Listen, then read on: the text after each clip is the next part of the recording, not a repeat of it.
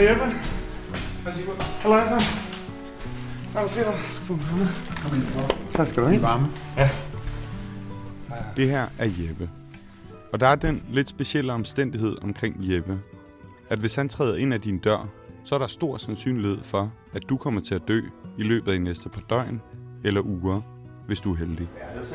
Der er noget sket noget. Jeg kan huske, da jeg flyttede fra Nørrebro til Vesterbro i sin tid, at det gik ret hurtigt op for mig, at det der med at gå, øh, ned og købe ind i joggingbukser, Ja. det gør man altså ikke på Vesterbro. Nej, det er det. Nej. Det er det. Men når man så er faldet lidt til, Ja. øh, så gør man det alligevel. Ja. Det er meget fedt. Ja. Så kan man sådan nogle billeder op på Facebook af sig selv i crocs nede i Føtex. Haha! Jeppe er 45 år gammel, bor på Vesterbro, ryger Baileyshack og kan godt lide at synge Bob Dylan-sangen. De sidste to gange, jeg har været sammen med Jeppe, har han været iført en hættetrøje, hvor motivet forestiller en mand, der skyder en anden mand i hovedet og siger, Draw this. Men Jeppe er hverken legemorder eller afstumpet. Tværtimod, så er han personificeringen af omsorg. Øh, jeg hedder Jeppe øh, øh Karsje Nissen, og øh, vi sidder øh, på altanen i min lejlighed på Vesterbro.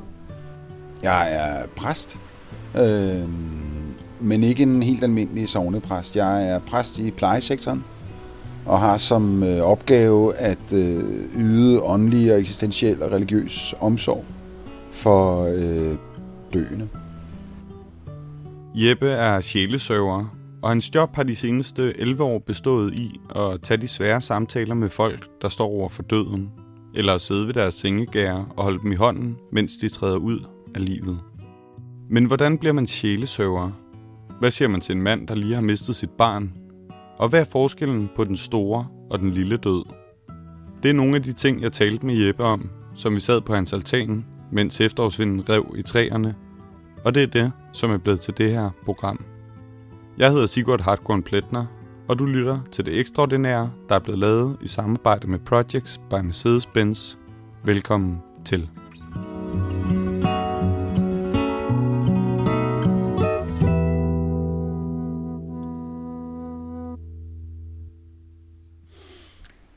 Da jeg var barn, der var mit tilnavn Jeppe Eviglad.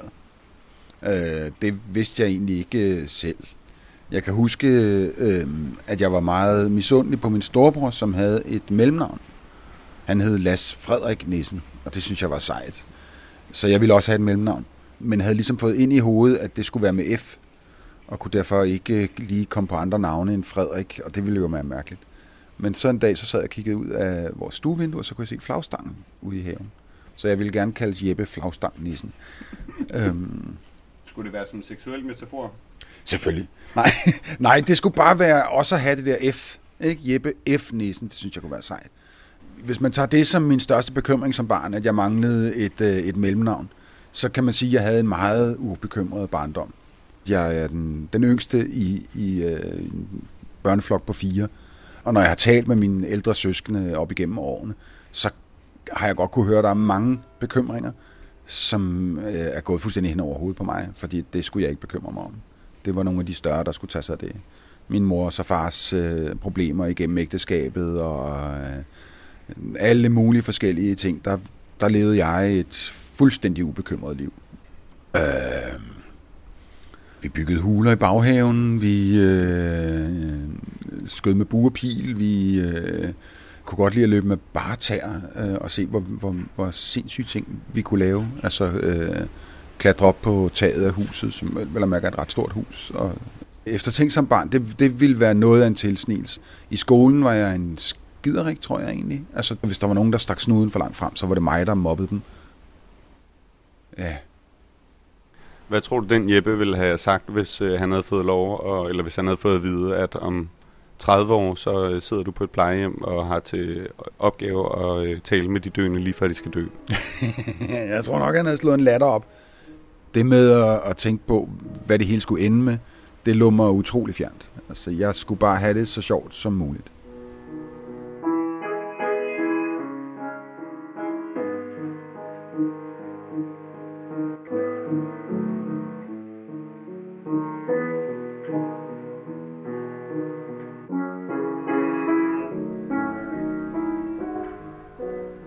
Hvad var dit, dit første møde med, med døden? Og med de ting, som du den dag i dag beskæftiger dig med, og som du jo har beskæftiget dig med, siden du et eller andet sted indrullede dig på teologi? Det var efter fængslet, der havde jeg et vikariat op i Grundtvigskirken op på toppen af Bispebjerg. Og i forbindelse med det var der af uansagelige årsager tilknyttet Bispebjergs palliative afdeling, som på det tidspunkt på grund af ombygningen var flyttet ud på et plejehjem, der lå i sovnet. Øhm, og der blev jeg tilkaldt til en øhm, dame, som lå for døden der. Øh, det var mit første møde med døden og den døende. Øh, hvor jeg, øh, jeg meget hurtigt jo fandt ud af, at her var det ikke øh, samtalen, der var det afgørende. Fordi her lå et menneske, som havde svært ved overhovedet at trække vejret, og måske kun havde, hvad ved jeg, tusind vejrtrækninger tilbage, eller sådan noget. Ikke? Øhm, men havde bedt om at blive mødt af en præst.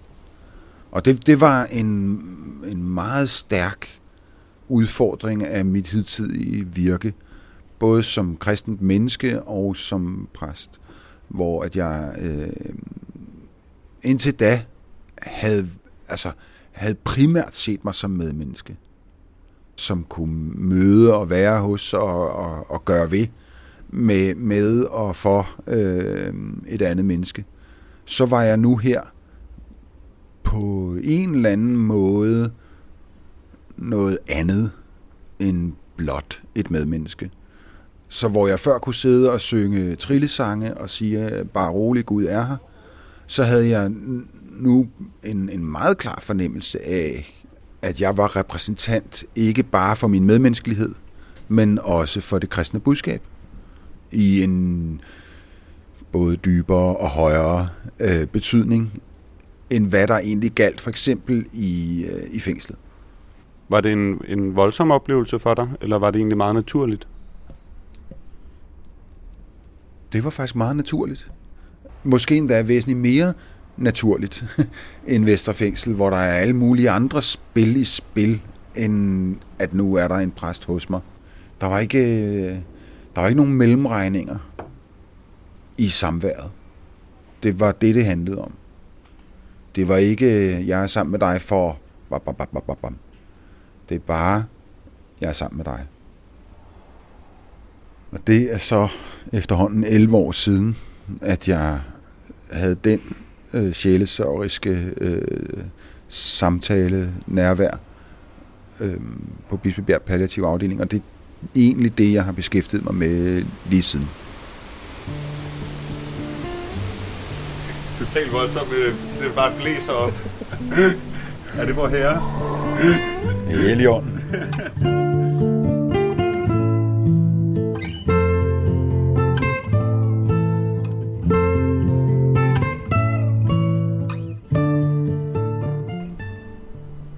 man er sammen med et andet menneske, så sker der en hel masse ting mellem, mellem linjerne. Man, man afstemmer sin måde at være i rummet på, alt efter hvad der er på spil. Hvis man står med en smuk pige, så står man på en anden måde, end hvis man står med en troende mand. Eller hvis man er med en gammel dame, så er man på øh, en anden måde, end hvis man er med øh, sit eget barn. Og det, som den helt konkrete opgave består i, der hvor at den, man skal være sammen med, ikke har kræfter til at hvad skal man sige, selv at afstemme sit nærvær. Det er at afstemme ens eget nærvær til det, der er behov for, og det, som kan mærkes uden at være et overgreb. At man, man, man finder forsigtigt øh, og er modigt det sted i rummet, hvor den anden kan mærke, at man er der. Og at man er der som omsorg. Man skal tæt nok på til at kunne vise omsorg. Man kan ikke stå hen ved døren og råbe, det skal nok gå. Øh, man bliver nødt til at sætte sig, sætte sig hen til dem. Så, så helt konkret vil det jo ofte være noget med at, at skramle lidt med en stol, mens man sætter sig, så man gør opmærksom på sit nærvær, og forsigtigt række ud efter en hånd, hvis den er over dynen. Jeg synes, det er spændende, at det rum og den opgave, du står overfor, når du skal tale med folk lige før, øh, før døden, om man så må sige. Hvad er, hvad er din opgave, når du træder ind i det? Hvad er målet? Altså målet er at bekæmpe den store død, så længe at øh, den, øh, et medmenneske er en del af mit ansvar. Øh, som jeg talte om tidligere, så har vi den lille død, hvor vi holder op med at trække vejret, og den store død er relationsløsheden, øh, den dybe ensomhed. Øh, og, øh, og når et, et menneske bliver skrøbeligt og falder sammen fysisk og mentalt, og øh, ikke evner at række ud og forholde sig til verden længere, så er det min opgave at, at finde en måde at være sammen med det menneske på, så længe som muligt. At bekæmpe ensomheden, så længe ensomheden er mit ansvar. Øh. Når du taler om det som den store og den lille død, så, øh, så virker det ikke til, at du er bange for det, som jeg kalder døden. Netop at man holder op med at trække vejret, og at hjertet holder op med at slå. Nej, det finder jeg ikke så skræmmende. Nej, det er rigtigt. Øhm. Er, det, er det ikke det, folk er bange for, når de står ude på kanten af livet? Jo, men det tror jeg, fordi de ikke har tænkt det igennem. Altså, det, øh, når man sørger over et menneske, man har mistet, så er det en lang del af vejen, fordi at den relation, man har med det menneske, er blevet revet i stykker. Og man ikke kan forstå, hvor man skal gøre af den relation længere. Og der kan man jo, altså der, der er det nogle erfaringer fra ens levede liv, af relationer, der bliver revet i stykker af døden, som gør, at man frygter, når man selv skal dø, at man så bliver relationsløs. Mm. Det tror jeg, at det ligger sådan ligesom, at så er det den store intethed. Er det det, øh, man kan være bange for. Øh. Jeg forestiller mig, at det må være en enorm voldsom oplevelse at være sammen med et menneske. Det vil det i hvert fald være for mig. At være sammen med et menneske, indtil mennesket dør. Og overvære det. Men det er jo nærmest hverdag for dig. Det vil være en tilsnigelse, altså fordi jeg, jeg er jo ikke vågekone. Øh, så det vil ofte være sådan, at jeg har været hos dem den dag, hvor de dør. Men jeg sidder der måske en time øh, eller lignende, en halv time, alt efter hvad der nu er på spil. Og jeg har en gang prøvet, øh, hvor jeg lyste velsignelsen for en dame, der lå for døden, at hun holdt op med at trække vejret, netop da jeg satte fingrene på panden af hende. Og det, det var meget, meget øh, voldsomt. Øh, heldigvis tog hun en vejrtrækning til et øjeblik efter, men det var virkelig, det var et meget langt minut, hvor hun ikke trak vejret, og jeg troede, jeg havde slået hende ihjel med velsignelsen. Men ja, jeg ved ikke om voldsom er det rigtige ord. Intens er et meget mere beskrivende ord, vil jeg sige, fordi man, man kan i den grad mærke, at, at der er en i rummet, og der er ikke en i rummet. Altså fra det, det er simpelthen fra det ene øjeblik til det andet. Øh, nu er fru Larsen her. Nu er fru Larsen her ikke mere. Og det er helt, det er meget tydeligt at mærke.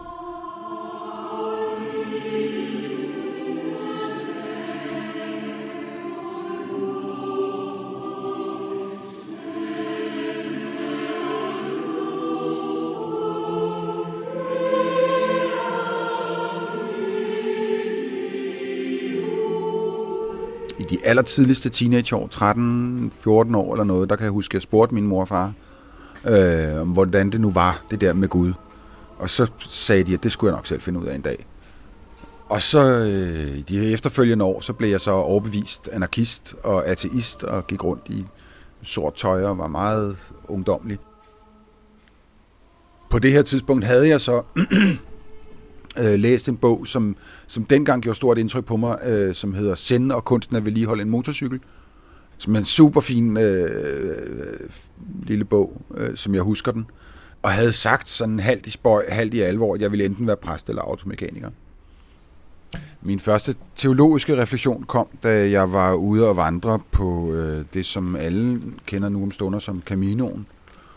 Så gik jeg der og, og, og tænkte over tilværelsen og landskabet. Og kom til at, øh, at tænke på, øh, hvad der skal til for at elske. Øh, hvad, hvad kærlighed egentlig indebærer, øh, for at det, øh, det skal være noget værd, om man så må sige.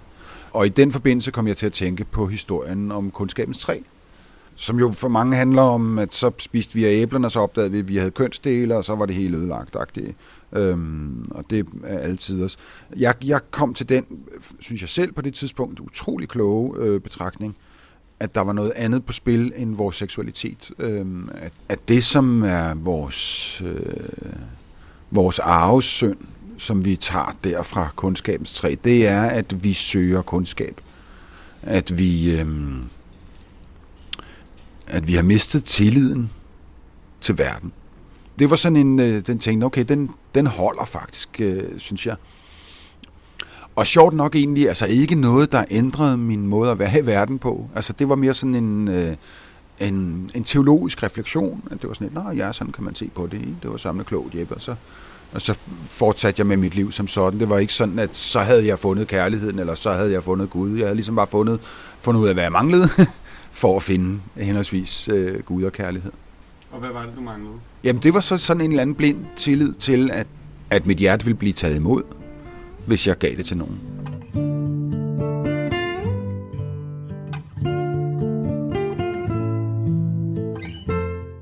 Der går nogle år, og under en rundrejse i Asien får Jeppe en oplevelse, som vender tingene på hovedet.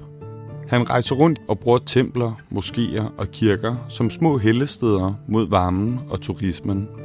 Steder, hvor han i ro og mag kan skrive i sin dagbog og samle sig om tankerne, efter nogle hårde dage i Kuala Lumpur var Jeppe rejst til en mindre by, Milaka, hvor han følte sig endnu mere alene og havde derfor søgt tilflugt i en hollandsk reformert kirke. Og her vil jeg give ordet tilbage til Jeppe. Øhm, og sådan en, en hollandsk reformert kirke, den, den er bar. Der er, der er pænt og rent. Og der er ikke øh, malerier på væggene og sidealdre, og jeg skal komme efter dig, der er meget øh, simpelt kirkerum i virkeligheden. Der kirkebænke og et alter og en prædikestol. Punktum. Og så kan jeg huske træværket i loftet, som nogle gode, solide bjælker, som man nu bygger sådan nogle høje velvinger med. Jeg sad der i godt, godt to timer øh, og skrev, som jeg siger, dagbog og var træt i sindet. Altså det var egentlig ikke, fordi jeg ikke havde fået sovet nok i de sidste par dage, for der var ikke noget at lave, men, men, øh, men mit hoved havde kørt øh, ret hurtigt. Og så, så blev jeg ved med at vende tilbage til den der overvejelse om tilliden, om den der, og det er, det er lidt kedeligt, det hedder blind tillid, men, men altså om den der ubetingede tillid, øh, som vi mistede, da vi øh, spiste af kundskabens træ og, øh, og blive enig med mig selv om, at den eneste måde, man ligesom kunne forsøge at, at bryde den, øh, øh den onde cirkel af ikke at have tillid, det, det var ved selv at forsøge at manifestere en tillid. Og fordi at jeg var erklæret ateist og så videre, så, så, så, så var det... Øh, så var det for mig, i stedet for at gå ud og sige, om jeg elsker dig til en eller anden pige, eller sådan noget, stil, som jeg bare vidste ville være løgn, øh, øh, så tænker jeg, jeg prøver at, at, øh, at vise tillid til noget, jeg ikke har nogen. Altså, jeg har intet mulighed for at skaffe bevis for, at det her øh, vil blive taget godt imod. Så det vil være en tillidshandling at, at række ud efter Gud, om man så må sige. Og så bad jeg fader hvor. Og altså allerede i de første, første led, øh, der, kunne, der kunne jeg mærke, at der, der, var, der, der var noget, der reagerede, om man så må sige, i mig eller om mig, hvordan man nu vil formulere det. Øh, og efterhånden, som jeg kom, kom igennem øh, bønden, så, øh, så var der simpelthen et, øh, et, et å, der blev taget øh, fra mig. At jeg nu behøvede jeg ikke at have styr på øh, noget som helst længere.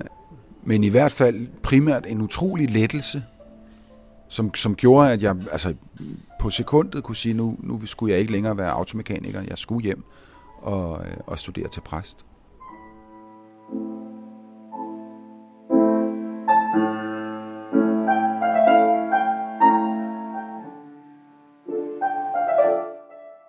Jeppe gjorde, som han havde planlagt.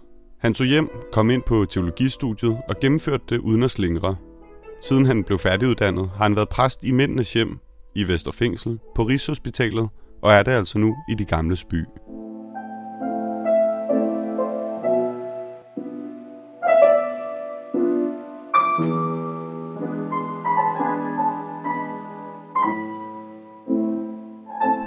I dit øh, virke som, som hospitalspræst, der går jeg ud fra, at du har talt med mange mennesker, for hvem døden måske ikke lige var planlagt, eller en far, der lige har mistet et barn, eller øh, de her, øh, vil jeg måske kalde dem lidt mere tragiske dødsfald. Hvordan kan man, hvordan kan man lindre den smerte og den angst for et menneske, der står i den situation, en 21-årig pige, der ligger for døden med kraft, eller en far, der skal tage afsked med sit eget barn?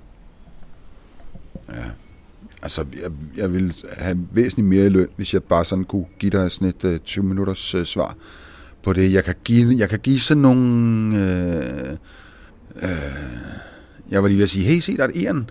Øh, nogle forstyrringer, ikke? På deres øh, smerte. Øh, og så kan jeg... Øh, og så kan jeg prøve at, at hjælpe dem til at, at, at løfte det å, der er dem givet. En stor smerte i livet. En, en sorg, som de aldrig vil slippe. Skal helst ikke slå dem billedligt talt ihjel. Den skal, den skal blive øh, et, et mærke for deres liv, men ikke blive øh, endestationen for deres liv. Og det er tit, at, at, øh, at man som hospitalspræst bliver ud, altså afkrævet en, en mening øh, med det. Og det er tit, at, at folk selv forsøger at finde sådan nogle øh, hjemmestrikkede meninger. Øh, om det er nok for, at jeg skal lære at, og så siger de et eller andet. Og det er jo ikke fordi, jeg piller folks mening øh, fra dem. Hvis de selv synes, de har fundet en, så er det det men, men det er mig om at gøre, at insistere på, at der ikke er nogen mening øh, med det. Men at der til gengæld er betydning i det. Og at der er en, en, en virkelig væsensforskel på, om noget har mening, eller om noget har betydning. Fordi det er jo fuldstændig meningsløst at, at kilde sin kæreste bag øret med en tusindfryd men det er propfuldt af betydning. Og, og tilsvarende er det fuldstændig absurd meningsløst at skulle sige farvel til sit barn, fordi det skal herfra. Men det er meget, meget fuldt af betydning. Hvis man har mistet sin, sin datter, så får ens liv en anden tone. Ja, hvis man har en særlig tone i livet, og der så sker så noget, så får ens liv en anden tone. Nogle gange mere skarp eller øh, dyb, eller øh, nu bliver det meget billedligt vævende, og jeg skal ikke kunne sige, hvad det er for en betydning. Det er netop bare, at det har betydning. Jeg plejer at, øh, at bruge nogle billeder også med, om tid er tynd, eller om tid er tyk.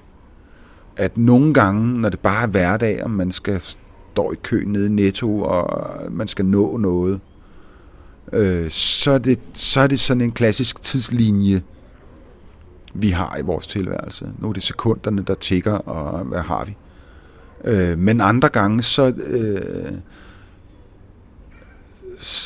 så rammer vi bolden helt rigtigt til fodbold, eller øh, vi, vi holder om vores elskede, eller siger farvel til vores far, eller hvad det nu kan være. Og de der øjeblikke, de fylder jo uendelig meget mere end alt den anden tid til sammen. Og der er så nogle øjeblikke i tilværelsen, som er fyldt tid. Man snakker i, i, i, om to slags tid. Kronos, som er kronologi, og vi kender det, og så Kairos, som er den rette tid. Tidens fylde, som der står i øh, juleevangeliet, da tidens fylde kom. da tiden var aller, aller, aller tykkest, manifesterede Gud sig i verden som et lille hjælpeløst barn. Vores liv er fuldt af tykke øjeblikke, fulde af betydning. Og det er lige så uhåndgribeligt og forsvindende de er som øjeblikke, lige så væsentlige og afgørende er de for vores liv.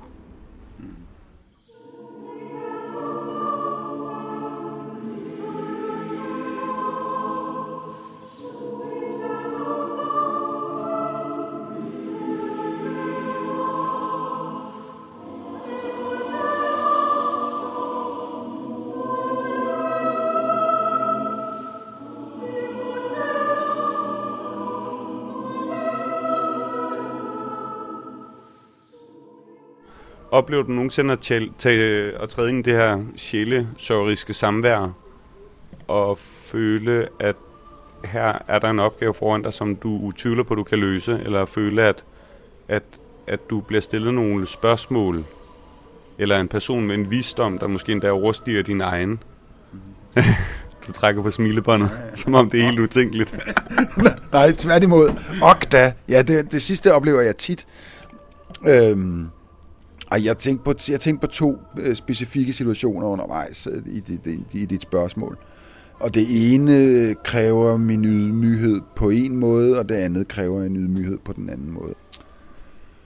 På neonatal på Rigshospitalet, hvor man indimellem kommer ind til nogle forældre, der sidder med deres døde barn og, øh, og skal sige farvel. Der er det utrolig svært at øh,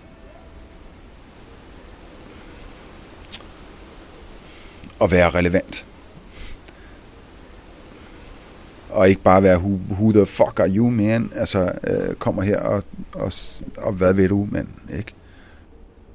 Og det, det kræver en, en stor ydmyghed af, fra ens person. At man skal virkelig holde sig for øje. Jeg skal simpelthen ikke forsøge at fikse noget nu. Nu skal jeg dele en dule med bare være her at vise de her mennesker, at de ikke er døde. At der er nogen hos dem. Og at øh, anerkende betydningen af det øjeblik, de er midt i. Være vidne til betydningen. Det andet, det, det er lidt mere Øh, komisk på min vegne, hvor der var en gammel dame, som havde været nonne øh, i noget af sit liv, arbejdet uddannet via dekonissen og, og rejst, altså været i Polen lige efter 2. verdenskrig og arbejdet som sygeplejerske og havde virkelig altså set noget shit i sit liv. Altså. Og så var hun som gammel dame blevet ramt af en blodprop og lå, lå for døden, men, men ikke sådan, jeg skal dø om 14 dage, det er sådan, jeg kommer aldrig til at rejse mig op af sengen, men skal nok ligge her års tid eller to. Og hun ville selvfølgelig gerne tale med præsten, fordi hun havde levet et kristligt liv hele sit liv, og det havde hun brug for. Og hun grinede af mig første gang, jeg kom ind ad døren, fordi det var helt tydeligt, at jeg var ikke den slags præst, hun havde forventet. Og jeg var ikke den slags præst, hun kunne bruge til noget. Det der øh, føle-pøle, har du noget på hjerte, kind præst, det ragede hende en parband. Hun skulle bruge fadervor, hun skulle bruge velsignelsen, hun skulle bruge den kirkelige autoritet. Så kunne jeg bruges til noget. Og det blev sådan helt rituelt i de øh, måneder, jeg kom hos hende, at, at når jeg kom ind, så grinede hun var fra en norsk oprindelse. Her kommer præsten, sagde hun så. Og så, så prøvede jeg at spørge ind til, hvordan hun havde det og sådan lidt, og hun var fløjtende ligeglad med, hvad jeg kunne finde på at spørge om. Men når jeg så sagde, skal vi holde en andagt, så lyste alvoren ud af hende. Øh, og så bad vi fader hvor, og jeg sang en salme, og jeg lyste velsignelsen for hende, hvor jeg var fuldstændig underordnet. At det var mit embede, der var på spil der. Ikke? Jeg var en del af den religiøse praksis, og det var det, der var relevant. Så det er sådan to yderpunkter af, af ydmyghed, ikke? Øh, hvor at hvis jeg var kommet ind til det, et, et dødt spædbarn og givet mig til at bede fader hvor og lyse velsignelse til højre og venstre, øh, så havde det jo været et overgreb den vej rundt. Og vice versa. hvis jeg var kommet ind og havde insisteret på, at den her gamle, erfarne krigssygeplejerske skulle udøse sin sjæl for unge, patetiske mig, så havde det jo også været et overgreb. Så på den måde altså, bliver, man, bliver man hele tiden ydmyget i sit arbejde. Fordi man, øh, man igen og igen tror, at nu har man luret den, og så ved man godt, at når man åbner døren, så er det fra nul øh, igen.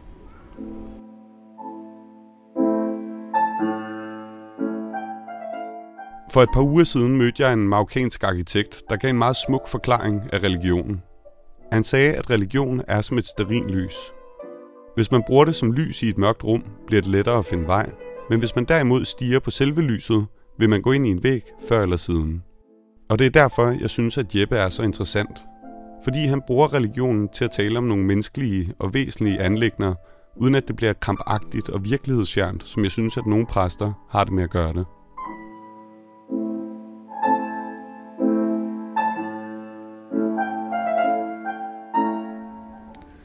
Jeg skal sige noget om, om, om frelse.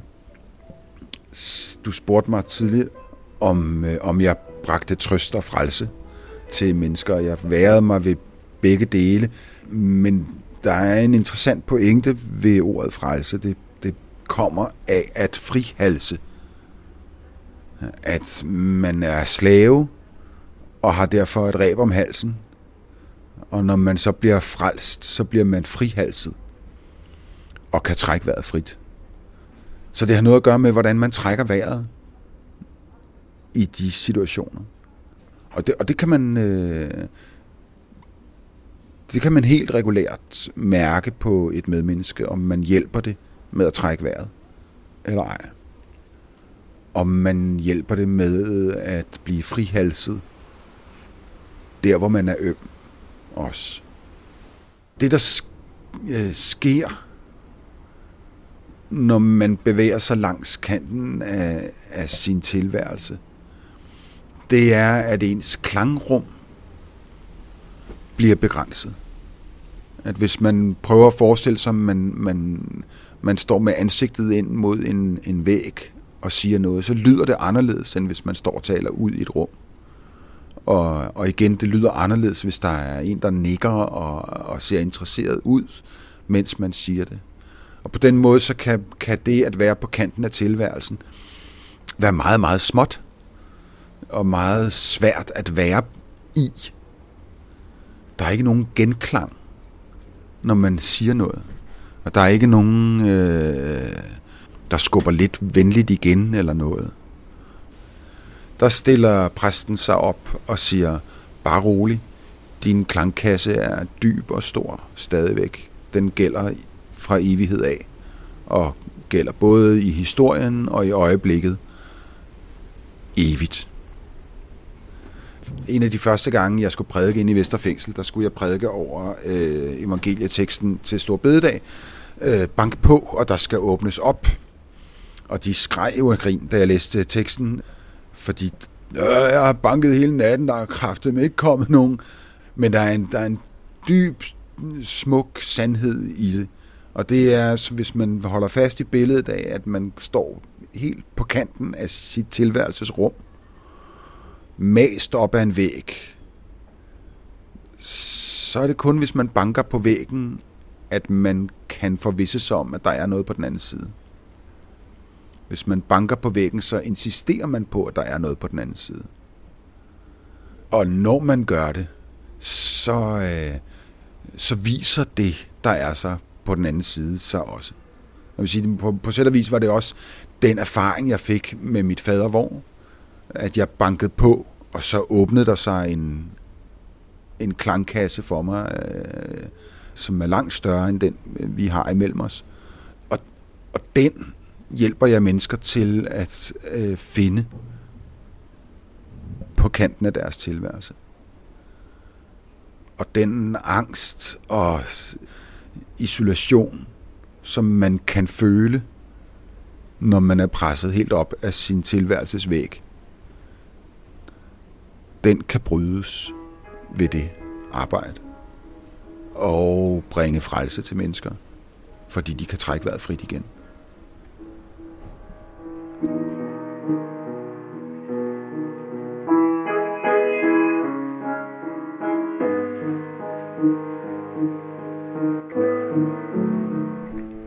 At sidde hver dag og skulle tale med folk helt ude på kanten af livet, og skulle gøre dem selskab, om man så må sige, og skulle forholde sig til døden hver dag, det er jo, det er jo store ting, det er store eksistentielle, i min verden ret tunge ting.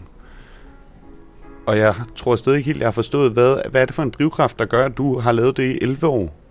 Eller sådan fint, når man kigger på dig, du sidder her foran mig i en trøje med to figurer, der skyder hinanden i hovedet med en pistol, og du spiller Bob Dylan-sange, og sådan på, på mange måder, så, så er det jo ikke det klassiske billede, i hvert fald af hvad jeg forestiller mig som en, en sjælesøver, der sidder og, og taler med folk på kanten af livet. Mm. hvad, hvad er det for en drivkraft, der, der gør, at du laver det her? Altså, det er nok... Altså, det er følelsen af, at det er relevant. allerede fra mændenes hjem, og særligt i Vesterfængsel, og siden på palliativt afsnit, der mærkede jeg, at, at, at når, øh, når man bevæger sig der på kanten, så, øh, så er det faktisk vigtigt, det man laver. Og, og, øh, og det kan godt være, at det er en, en, en fordom og, øh, og tavligt sagt over for mange af mine sovnepræstekolleger, som også laver mange vigtige ting hos mennesker. Min gamle provst, han sagde, pas nu på, at du ikke får skyttegravssyndrom. Ikke? Altså, at det kun gælder, når man er på kanten. Øh, at det faktisk også gælder, når det er smukt og fredfyldt og behageligt. Og det, det kan være, der er noget af det i det, ikke? Altså, at man, man får en fornemmelse af, at altså, det, altså en konfirmation, jeg kunne ikke forestille mig noget mere... Øh, du må gerne sige det. kedeligt. øhm, det er fint, at det skal være der og alt sådan noget, men det er ikke mig. Den intensitet, der er på kanten af tilværelsen, det, det er noget af det, der driver mig. Og som, som gør, at jeg synes, det er, er godt at, at komme på arbejde selvom at det er et svært sted at være.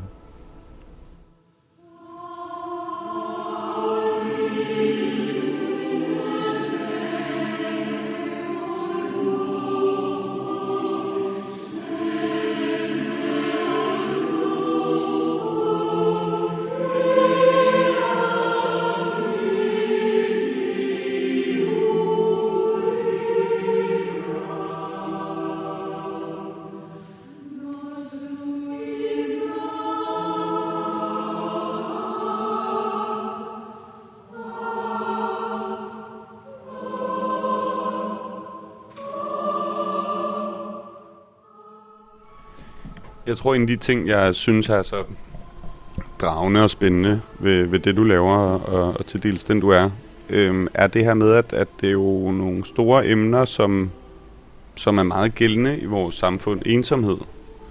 Øh, og, eller ikke i vores samfund i livet, for fanden, ikke? Altså, og det at tabe og miste folk. Altså, jeg kan ikke tælle, hvor mange begravelser jeg har været til med venner og familie og, og, og elskede. Og det, det, er jo, det er jo nogle, nogle næsten ubesvarlige spørgsmål. Men hvis man, skulle, hvis man skulle prøve at sige noget, hvis du kunne sige noget til alle dem, der har mistet og er rigtig ulykkelige, noget lindrende, hvad, hvad kunne det så være? Ja, min første association er, du er ikke alene. Men det er nok aldeles upassende. Og jeg synes, det, det er svær, ikke? Øh, fordi det er nogle spørgsmål, som i sin essens ikke kan besvares, der bliver stillet i sådan nogle situationer. Det er, det er ligesom det at have modet og øh, blive tvunget til at stille spørgsmålene, er noget af det, det vil sige at være menneske. Simpelthen. Altså, at vi ved, at vi skal dø, og skal leve med det det, det er det er simpelthen noget af det øh, særskilt menneskelige. Og det, det findes der ikke nogen svar på. Altså hvis, øh, hvis jeg troede, der fandtes svar på det, så ville jeg nok enten være kommunist eller muslim eller sådan noget. Fordi det, så kan man skrive det ned. Hvad, hvad, oh, så, Hvis A, så B, eller sådan noget, ikke? Men nej. Det er levet liv, og det er fuldt af smerte og sorg og lidelse, og så slutter det bare for hurtigt. Det er jo ikke så trøstende. Tag den. Ja.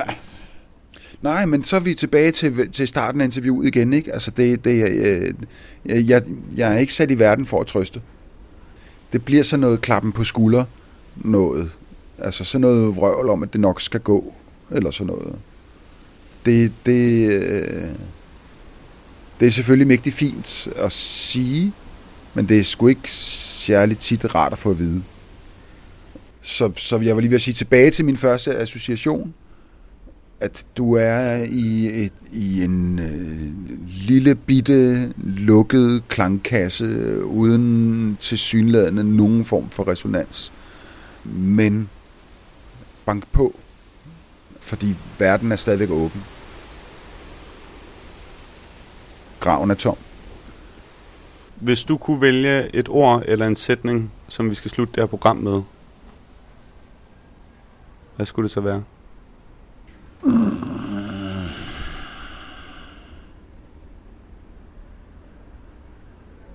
I see my light come shining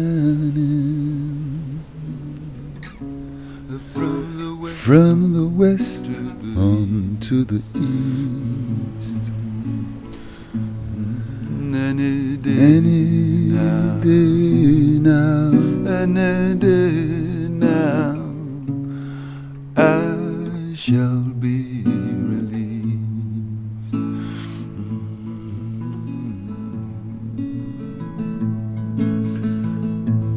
Down here next to me in this lonely crowd, there's a man who swears he's not to blame. Tak fordi du lyttede med til det her afsnit af Det Ekstraordinære, som er blevet til i samarbejde med Projects by Mercedes-Benz. Musikken var komponeret af Mads Kok, og i redaktionen sad Emil Vilk, Sine Christiani og Thomas Borge. Programmet var tilrettelagt, optaget og klippet af mig, og jeg hedder Sigurd Hardkorn Pletner. Nu vil jeg lade Jeppe synge videre på genhør i næste uge. Any day now, any day now, I shall be released. They say every man needs protection. They say that every man must fall. Yet I swear I see my reflection. Someplace so high above this wall. I see my light come shining From the west on